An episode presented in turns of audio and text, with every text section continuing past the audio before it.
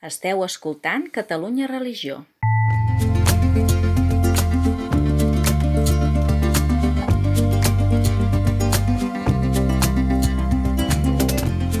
Converses en la frontera, un podcast de Gabriel Jaraba i Xavier Morlans.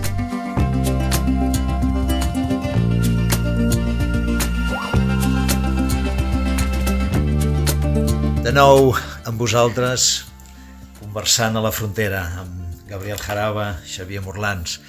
És inevitable, amb una conversa que vol palpar l'esperit del temps, eh, que parlem de la guerra d'Ucraïna, aquesta guerra que ja fa més d'un any que dura. Eh, quines implicacions, quin, quin marro veus aquí darrere, Gabriel? Tu que ets un home periodista, pensador, doctor en comunicació, amb un llarg bagatge i que tens un, jo diria, un, do especial per mostrar les connexions de coses que potser altres no veiem en un primer moment, no? El primer que crida l'atenció és que la gent ha quedat molt sorpresa de veure la guerra eh, en acció en Sí. territori europeu. Sí, sí. I dius, recoi quina poca memòria que teniu, que als anys 90 ja vam tenir la guerra de Iugoslàvia. Ah, O sigui, dius, bombardejar eh, ciutats que estan a dues hores amb avió de nosaltres. Clar, de- el setge, el setge de Sarajevo, per exemple, la destrucció de Sarajevo, la, la, la, el malbaratament de la vila olímpica, allò que una vegada doncs, va suposar doncs, un homenatge a l'esperit universal de l'esport, la reducció doncs, eh, mm, per culpa de la maldat, eh, de la mala voluntat i del nacionalisme. Mentre aquí celebràvem les Olimpíades del 92. Eh, exacte. Era, I de- era el mateix 92. Clar, i d'aquí la gran idea de fer de Sarajevo el districte número 11 de Barcelona en, com a forma de mostrar aquesta, mm, diguem-ne, solidaritat activa, no? Clar, eh, allò, allò, allò també era una guerra, i una guerra cruent, amb corresponsals espanyols i catalans que van anar-hi molt enllà i que ho van mostrar. No va ser una guerra amagada ni una guerra secreta ni oculta, era una guerra a la vista de tothom. eh, que difícil, que difícil eh, ha estat donar continuïtat a aquesta idea de solidaritat, perquè el que la gent vol fer és que la deixen estar d'orgues i, de, i de tonteries, que la gent vol anar a la seva, i aleshores, eh, si, i si a més a més eh, ets, un, ets un bosnià que no saps explicar la realitat no saps explicar a ulls occidentals, a orelles occidentals, la realitat multicultural i multi, multireligiosa del teu entorn, eh, clar, dius, què vol dir aquesta Bòsnia on la gent és musulmana, per exemple, no? I què vol dir el conflicte entre comunitats on altres eh, se senten eh, cristians ortodoxes molt mirant cap a, cap a Moscou, no? Dius, ostres, aquí hi ha coses que no m'entès.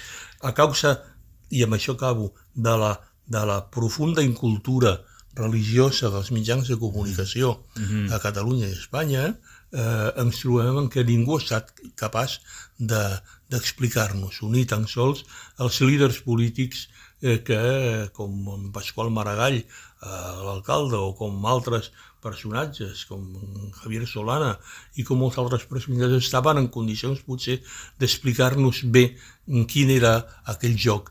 Mm, I per tant, d'aquells polvos vinieron estos lodos. I ara, a Ucraïna, quina és la complexa realitat? Perquè ja des del 2014 ja hi havia guerra, també. Clar, però també, però en aquest cas, eh, la, la realitat és la d'una invasió rotunda i descarada, eh?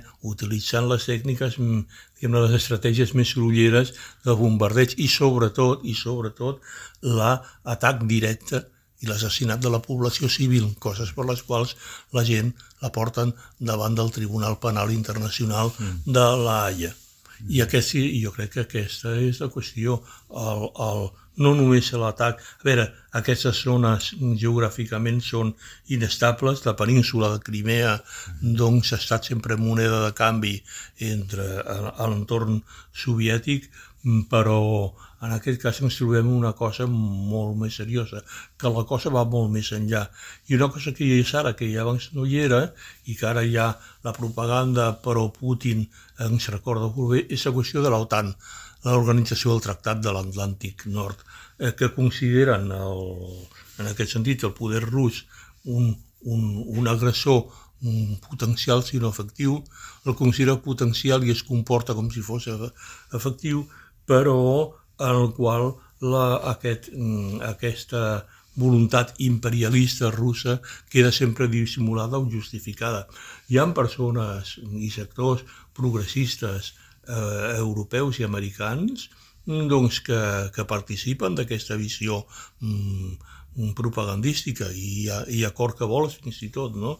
I tu pots llegir sense anar més enllà que dues cantonades d'aquí on estem, doncs pancartes o lemes o, o, o, o expressions en les quals mm, ens podem dir eh, guerra no, no a l'OTAN. Mm, caram, no he vist jo cap diguem, de bombardeig de l'OTAN sobre mm. població civil russa, ni tan sols eh, ucraïniana, no? De tota manera, el 1291, quan es va esfondrar la URSS, eh, no hagués estat bé, que això potser és demanar molta magnanimitat, que la OTAN hagués dit, mira, eh, anem a fer una cosa nova, pleguem l'OTAN, eh, Rússia anem a construir una Europa nova, que Europa s'hagués independitzat una mica dels americans, i hagués jugat la carta d'intentar construir una nova Europa comptant en Rússia. No sé si això és molt, deu ser molt utòpic o molt ingenu, però hi ha hagut prou intel·ligència per part de, de l'OTAN per saber respectar Rússia i no anar-la encerclant de bases militars. Clar, això, això, això és té un problema, que això es, es, es pot fer i es pot fer eh, quan, tu ja has, quan tu ja has guanyat i sobretot quan has guanyat una victòria militar. Aquest és el problema que va haver-hi amb l'Alemanya post-nazi. Uh -huh. És a dir, la resposta intel·ligent en aquest sentit va ser el Pla Marshall. Ah, eh? Per exemple, i també jo crec que hi havia una, una actitud paral·lela de no humiliem a Alemanya com se la va humiliar amb el Tractat de Versalles. La Primera Guerra Mundial, que va causar en part la Segona. Clar, I no, no solament és això, sinó que en aquest sentit són els Estats Units els que afavoreixen el ressorgiment de la indústria d'Alemanya, no? Eh, I dius, ostres, eh, i, el, i es fa del marc la moneda important i poderosa en què va ser, però mm, Primer, les organitzacions bèl·liques de guerra estan fetes per a fer la guerra, diguem-ne, no? Uh -huh. I, la, I la victòria militar a vegades no és prou com per haver-hi aquest, eh, aquesta qüestió. Per exemple, no hagués costat res, és a dir, algú va fer alguna cosa per integrar, per intentar integrar la mm, Iugoslàvia mm, fragmentada post-Tito, uh -huh es va aproximar, alguns van afavorir la independència d'Eslovènia, altres van afavorir la independència de Croàcia. Mm, Sèrbia, tret dels francesos, mm, va quedar com abandonada a la influència eh, soviètica d'aleshores. Realment ningú va ser capaç d'aquesta mm, demanda, aquesta petició, possibilitat que li podem plantejar avui dia a Ucrània, torno a dir, es plantegés aleshores. I les coses no van passar de gestos simbòlics com aquest districte 11 de Barcelona i l'actitud de lloable, d'altra banda, de Maragall. Però tornant a, a Rússia, al moment de l'esfondrament, es va humiliar Rússia, d'alguna manera? S'ha humiliat a Rússia? I no estic intentant justificar, evidentment, la, ells, la invasió. Ells se sentien com a tal. Ah. Per què? Perquè jo crec que hi ha un...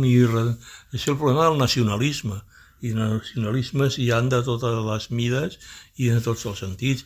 I en aquest sentit jo crec que Rússia té un, té un problema nacional i que en podem dir nacionalista que, que, dura, que dura segles i d'aquesta capacitat de sentir-se menys tinguts, eh, despreciats, poc valorats eh, per Occident. Ja a l'època del Tsar, el, el d'això li, al, al tsar i a l'aristocràcia els hi sembla malament mm, que s'imitin les maneres de viure eh, franceses eh? Uh mhm. -huh. i que es parli francès com la cort, mhm. eh, que la pròpia cort, no? I, la, i la imitació de les actituds de la, com es diu això, de Suècia, per exemple, que era un pont d'influència cultural important, doncs estaven mirades a molt de recel. Hi ha hagut una actitud de recel molt important i jo crec que hi ha una tradició, diguem-ne, de l'ortodoxia, en sentit religiós, mm, és a dir, hi havia, mm, no hi ha hagut una tradició mm, universalista d'apertura a, a, als valors d'Occident. Eh, menteixo. Per part de Rússia, per Clar, part de Rússia. Hi ha menteixo. hagut un, un, un, un autotancament. Clar, però menteixo. Eh, és a dir, mm, ells en diuen, i en continuen dient, valors d'Occident quan eh, aquí creiem, o alguns ho creiem, que són valors occidentals. Perquè si no els hi consideres, perdó, que són valors universals. universals. Per què? Perquè si els hi dones a volta els consideres com a valors locals, com a valors locals i propis, et sorgeix un complex dictatorial al darrere. Quan algú diu que els drets universals, els drets de l'home, no són vigents aquí, eh, perquè això o per l'altre, és perquè alguna cosa doncs està, està buscant. I aquest és el problema que té Rússia, vull dir que igual que Xina no accepta la universalitat dels drets de l'home eh, i que si mires i que si rasques és perquè al darrere hi ha un potencial dictatorial. Acabo amb una cosa, la gent es comporta moltes vegades com si la Unió Soviètica ex existís.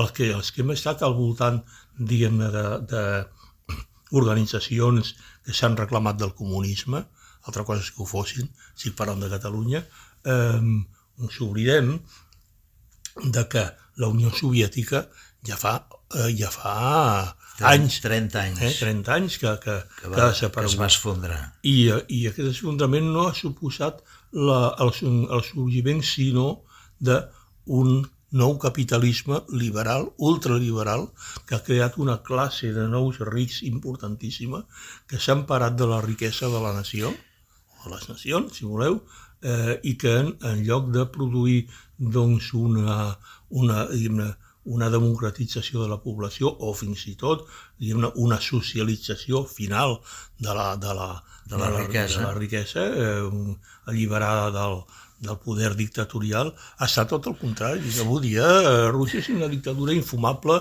que tanca la gent a la presó per, per demanar el que demanem aquí, que és el no a la guerra.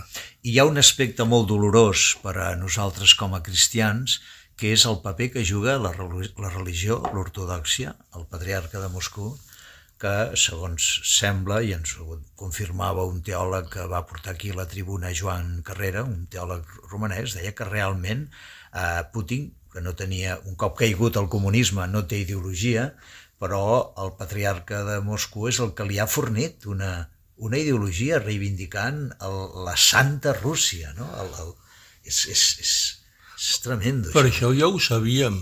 Aquí, quan, quan algun poder també, diguem-ne, religiós o parareligiós va qualificar la guerra civil espanyola i el cop militar de cruzada. Sí, Clar, sí. És a dir, ja tinc l'experiència de l'aliança del tron i l'altar. Uh, a Espanya la tenim molt... Tu i jo la vam viure fins als 26 anys. Exactament. Ah, els exactament, nascuts als sí. 50 sí, sí, sí, vam viure sota aquest règim sí, nacional catòlic sí, sí, eh, sí. fins als nostres 25-26 anys. Amb una, de què parlem? amb una peculiaritat, que Espanya tenia la peculiaritat de tenir mm, probablement l'única presó del món especialitzada per internar-hi capellans. A Zamora. El, el penal de Zamora. El penal de Zamora. Tots els capellans progres o que, hauran, o que eren condemnats per al Tribunal d'Ordre Públic o per associacionisme associacionisme, diguem-ne, caritatiu i altruista, doncs se anaven a, a parar cap allà, no? Ja ho, ja ho sabem, això ho coneixem. A veure, és tan cruel tot això, que els que els coneixem com si els haguessin parit, perquè que és tot això ja ho hem viscut. Aleshores, a mi eh, l'actitud la, del patriarca de Moscou o el que sigui m'importa un pito. M'explico, el que em preocupa és la subsistència i la, i la continuïtat de la riquíssima i, i, i meritòria tradició ortodoxa i de l'ortodoxia no només a Moscou, a Moscou, a Ucraïna mateix eh, o a la pròpia o als propis còptics a, a, a, a, a Egipte. No? Nosaltres encara estem pagant, eh, la gent que ara té 70 anys, que em sembla que arribarem fins als 90, Gabriel, et sembla? Déu vulgui i si no, no passa res. Però vol dir que aquests que vam viure el nacionalcatolicisme, uns l'hem pogut metabolitzar i mantenir la fe i tal, no? Però hi ha gent de 70 anys o més que segueix ocupant llocs molt importants a Catalunya, a Espanya, i que té encara el ressentiment que de petit se'l va matxacar, dirien, eh, s'hauria de veure, a vegades s'exagera, però ahir va ser real, ho vam viure amb el nacionalcatolicisme. La pregunta, quant temps trigarà l'ortodoxia russa a treure's de sobre el, aquesta, aquest matrimoni amb el botí. No? Estem, estem pensant en el...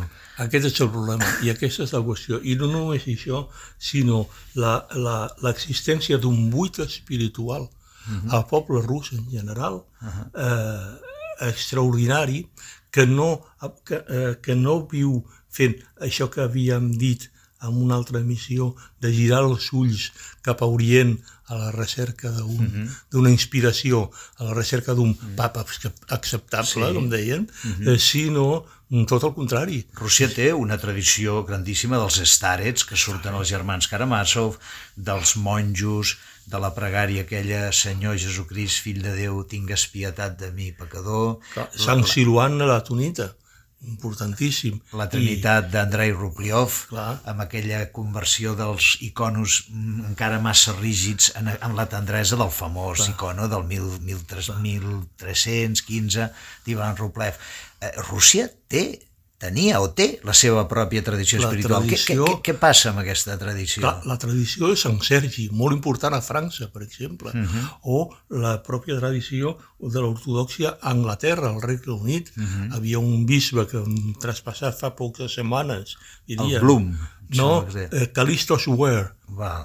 Que, que era un personatge, és el primer que he llegit coses sobre l'ortodoxia així una mica de la mentalitat occidental que tenia ell i dius, ostres, ostres, ostres... Però aquests eren fugits de la Revolució Russa no, no, o ja no, van ser no, no, no, ja eren britànics? britànics o francesos, en el cas... Olivier Clement. Olivier Clement. Olivier Clement, Olivier francès de Socarrel, ah, que ha mamat el, el, el, el millor de l'espiritualitat ortodoxa. Exacte, i per tant aquesta espiritualitat ortodoxa està allà també exportada i exiliada no? exiliada també per aquest nacional catolicisme, però no només per això, sinó perquè aquest buit mm, que trobes a, a Rússia, però també a Romania, per exemple, mm. aquest in, interès exagerat per l'econòmic, clar, és a dir, és molt... Eh, tots els que hem estat morts de gana hem hagut de fer un, un esforç, diguem-ne, d'autodignificació per aquest mm -hmm. sentit, perquè cal, cal tenir en compte eh, aquello que deia aquella dita tan ben dita, que era que eh, no sirvas a quien sirvió ni pidas a quien pidió. Clar, ah. una cosa, clar. Aleshores, tots aquests nois que s'anaven a buscar nòvies russes eh, per, perquè eren més submises o més això, sí, sí. doncs amb tots els respectes es trobaven el que es trobaven, no? Et veien com una compta com una compta corrent en potes, no? Què podem fer, Gabriel? Què mm. podem fer per, per Ucraïna, per, per aquesta situació? A mi em ve el, a mi em ve al cap eh, una cosa, paraules molt, molt aspres, que és una d'elles guanyar la guerra. És a dir, s'ha de derrotar el poder dictatorial soviètic igual que es va derrotar el poder dictatorial alemany. M'explico. Per què? Perquè podia aquest, eh, aquesta complexa industrial militar mm, parafrasejant el concepte americà i tornant-lo a, cap a Rússia, és a dir, no està ni disposat ni en condicions de generar cap al seu poble cap altra cosa que opressió i misèria. Mm, les esquerres mundials poca cosa en faran, perquè estan encara presoneres d'uns esquemes i d'uns hàbits de propaganda generats a la Unió Soviètica que són incapaços, diguem-ne, de veure més enllà en termes de solidaritat real i nua. Ells, eh, i en aquest sentit, l'esquerra llatinoamericana és exemplar, entre cometes, ells són seguidistes de la propaganda, en aquest cas putiniana. M'explico? I a Europa hi ha molt més d'això del que sembla. És a dir, jo crec que com a mínim s'hauria d'aplicar a, a, a Ucraïna allò que haguessin volgut la República Espanyola que s'apliqués amb ella, que era aixecar l'embargament d'armes eh, i, i, i aixecar la política de la, no, de la no intervenció. No és cap cosa indigna demanar aquesta victòria en aquests termes, perquè és el que a nosaltres ens hagués anat bé i ens hagués salvat a la República i al poble espanyol, català inclòs, diguem-ne, del, del, que va, del que va venir després. No hi ha cap deshonra en demanar i en proposar una, una victòria militar, després de la qual, com a mínim, s'eviti l'extermini d'Ucrània, com va passar amb la República Espanyola, i que se sentin unes altres bases diferents, diguem-ne, per, a, per a encarar un futur que ha de ser d'una manera molt diferent. Caram, jo, jo, jo em meravello de veure com una, un, unes coses i unes altres es van repetint, semblants iguals a elles mateixes, i encara no hem arribat a, a veure com, com es pot fer realitat aquesta unitat del gènere humà i com es pot fer realitat aquest universalisme sum, somiat que tothom diu practicar, diguem-ne, de boquilla, uh -huh. però que a la realitat s'imposa la geopolítica, eh, els mapes, com diu l'Enric Juliana de l'avantguàrdia, eh, jo crec que haurem de pensar en, en, en mapes al davant, però persones com el Javier Solana, que ha estat eh, un home important en tots aquests poders, jo crec que haurien d'estar en condicions de fer aportacions més a futur. Eh? O, el, o el propi o el propi, ja ho diré, Borrell. Uh -huh. el, prop, clar, el propi ministre Borrell, exministre Borrell, hauria de ser capaç no només de ser com és un excel·lent representant exterior de la Unió Europea, sinó de dir, molt bé, però aquestes preguntes, no? Com ho fem? Com ho fem per evitar eh, aquesta humiliació? Com ho fem per propiciar aquest retrobament? Com, d'on sortiria avui dia un pla, un pla Marshall no només econòmic, sinó ideològic. Després hi ha coses molt senzilles, a vegades, que, que, algun, que algú té mm, la intuïcions real, i, i això depèn del poble i depèn de la gent, que en aquest sentit és molt poc imaginativa. Per exemple, quan va acabar, que va ser la creació del Camping Club de França i l'extensió per Europa de la pràctica del càmping. Quan va ser això? Això, doncs, a 1945. A final de la Segona Guerra Mundial. Eh, és a dir, les carreteres estaven fetes un desastre, eh, no hi havia hotels, no hi havia lloc on anar-hi, doncs eh, agafem la tenda de campanya i la bicicleta i anem a fer acampada eh, i, fem, i, i que en aquestes acampades hi hagin intercanvis personals, familiars, culturals de contacte, és a dir, un Erasmus a l'Obèstia, mm -hmm. diguem-ne. Mm -hmm. eh, trobo faltar aquests eh, Erasmus mm -hmm. espontanis a l'Obèstia. I mentrestant tenim persones com la Lucía Caram, que, eh, i el Padre Àngel i tants voluntaris que van a Ucraïna mentre, mentre dura la guerra a, a intentar pal·liar i, i ajudar, mentre els polítics eh, haurien de tenir més imaginació i més decisió, eh, almenys també tenim aquests testimonis dels qui van ajudar en concret amb, amb ambulàncies i perquè, esclar, hi ha un problema de, de ferits i de mutilats i, i mentrestant cal ajudar-los. Evidentment, i ara mateix és així, però la pregunta és, després d'això tindrem amics ucraïnesos? Eh, Mm, que surtin d'aquesta experiència i que es retrobin en, en, en nosaltres i que fem altres intercanvis, en aquest sentit, fem petits Erasmus, -hmm. eh, perquè no tenim amics iugoslaus ni bosnianes. Les úniques bosnianes que coneixem són les carteristes al metro de Barcelona. Clar. No, però és que és així, la realitat. Tens tota la raó. La realitat és així, Tens és tota així de crua. I t'agraïm, Gabriel, aquesta capacitat de descol·locar-nos i de fer-nos descobrir els, els invisibles, els que segons el moment ja, ja no els veiem. Seguirem, amics, amb aquestes converses a la frontera. Gràcies. Gràcies.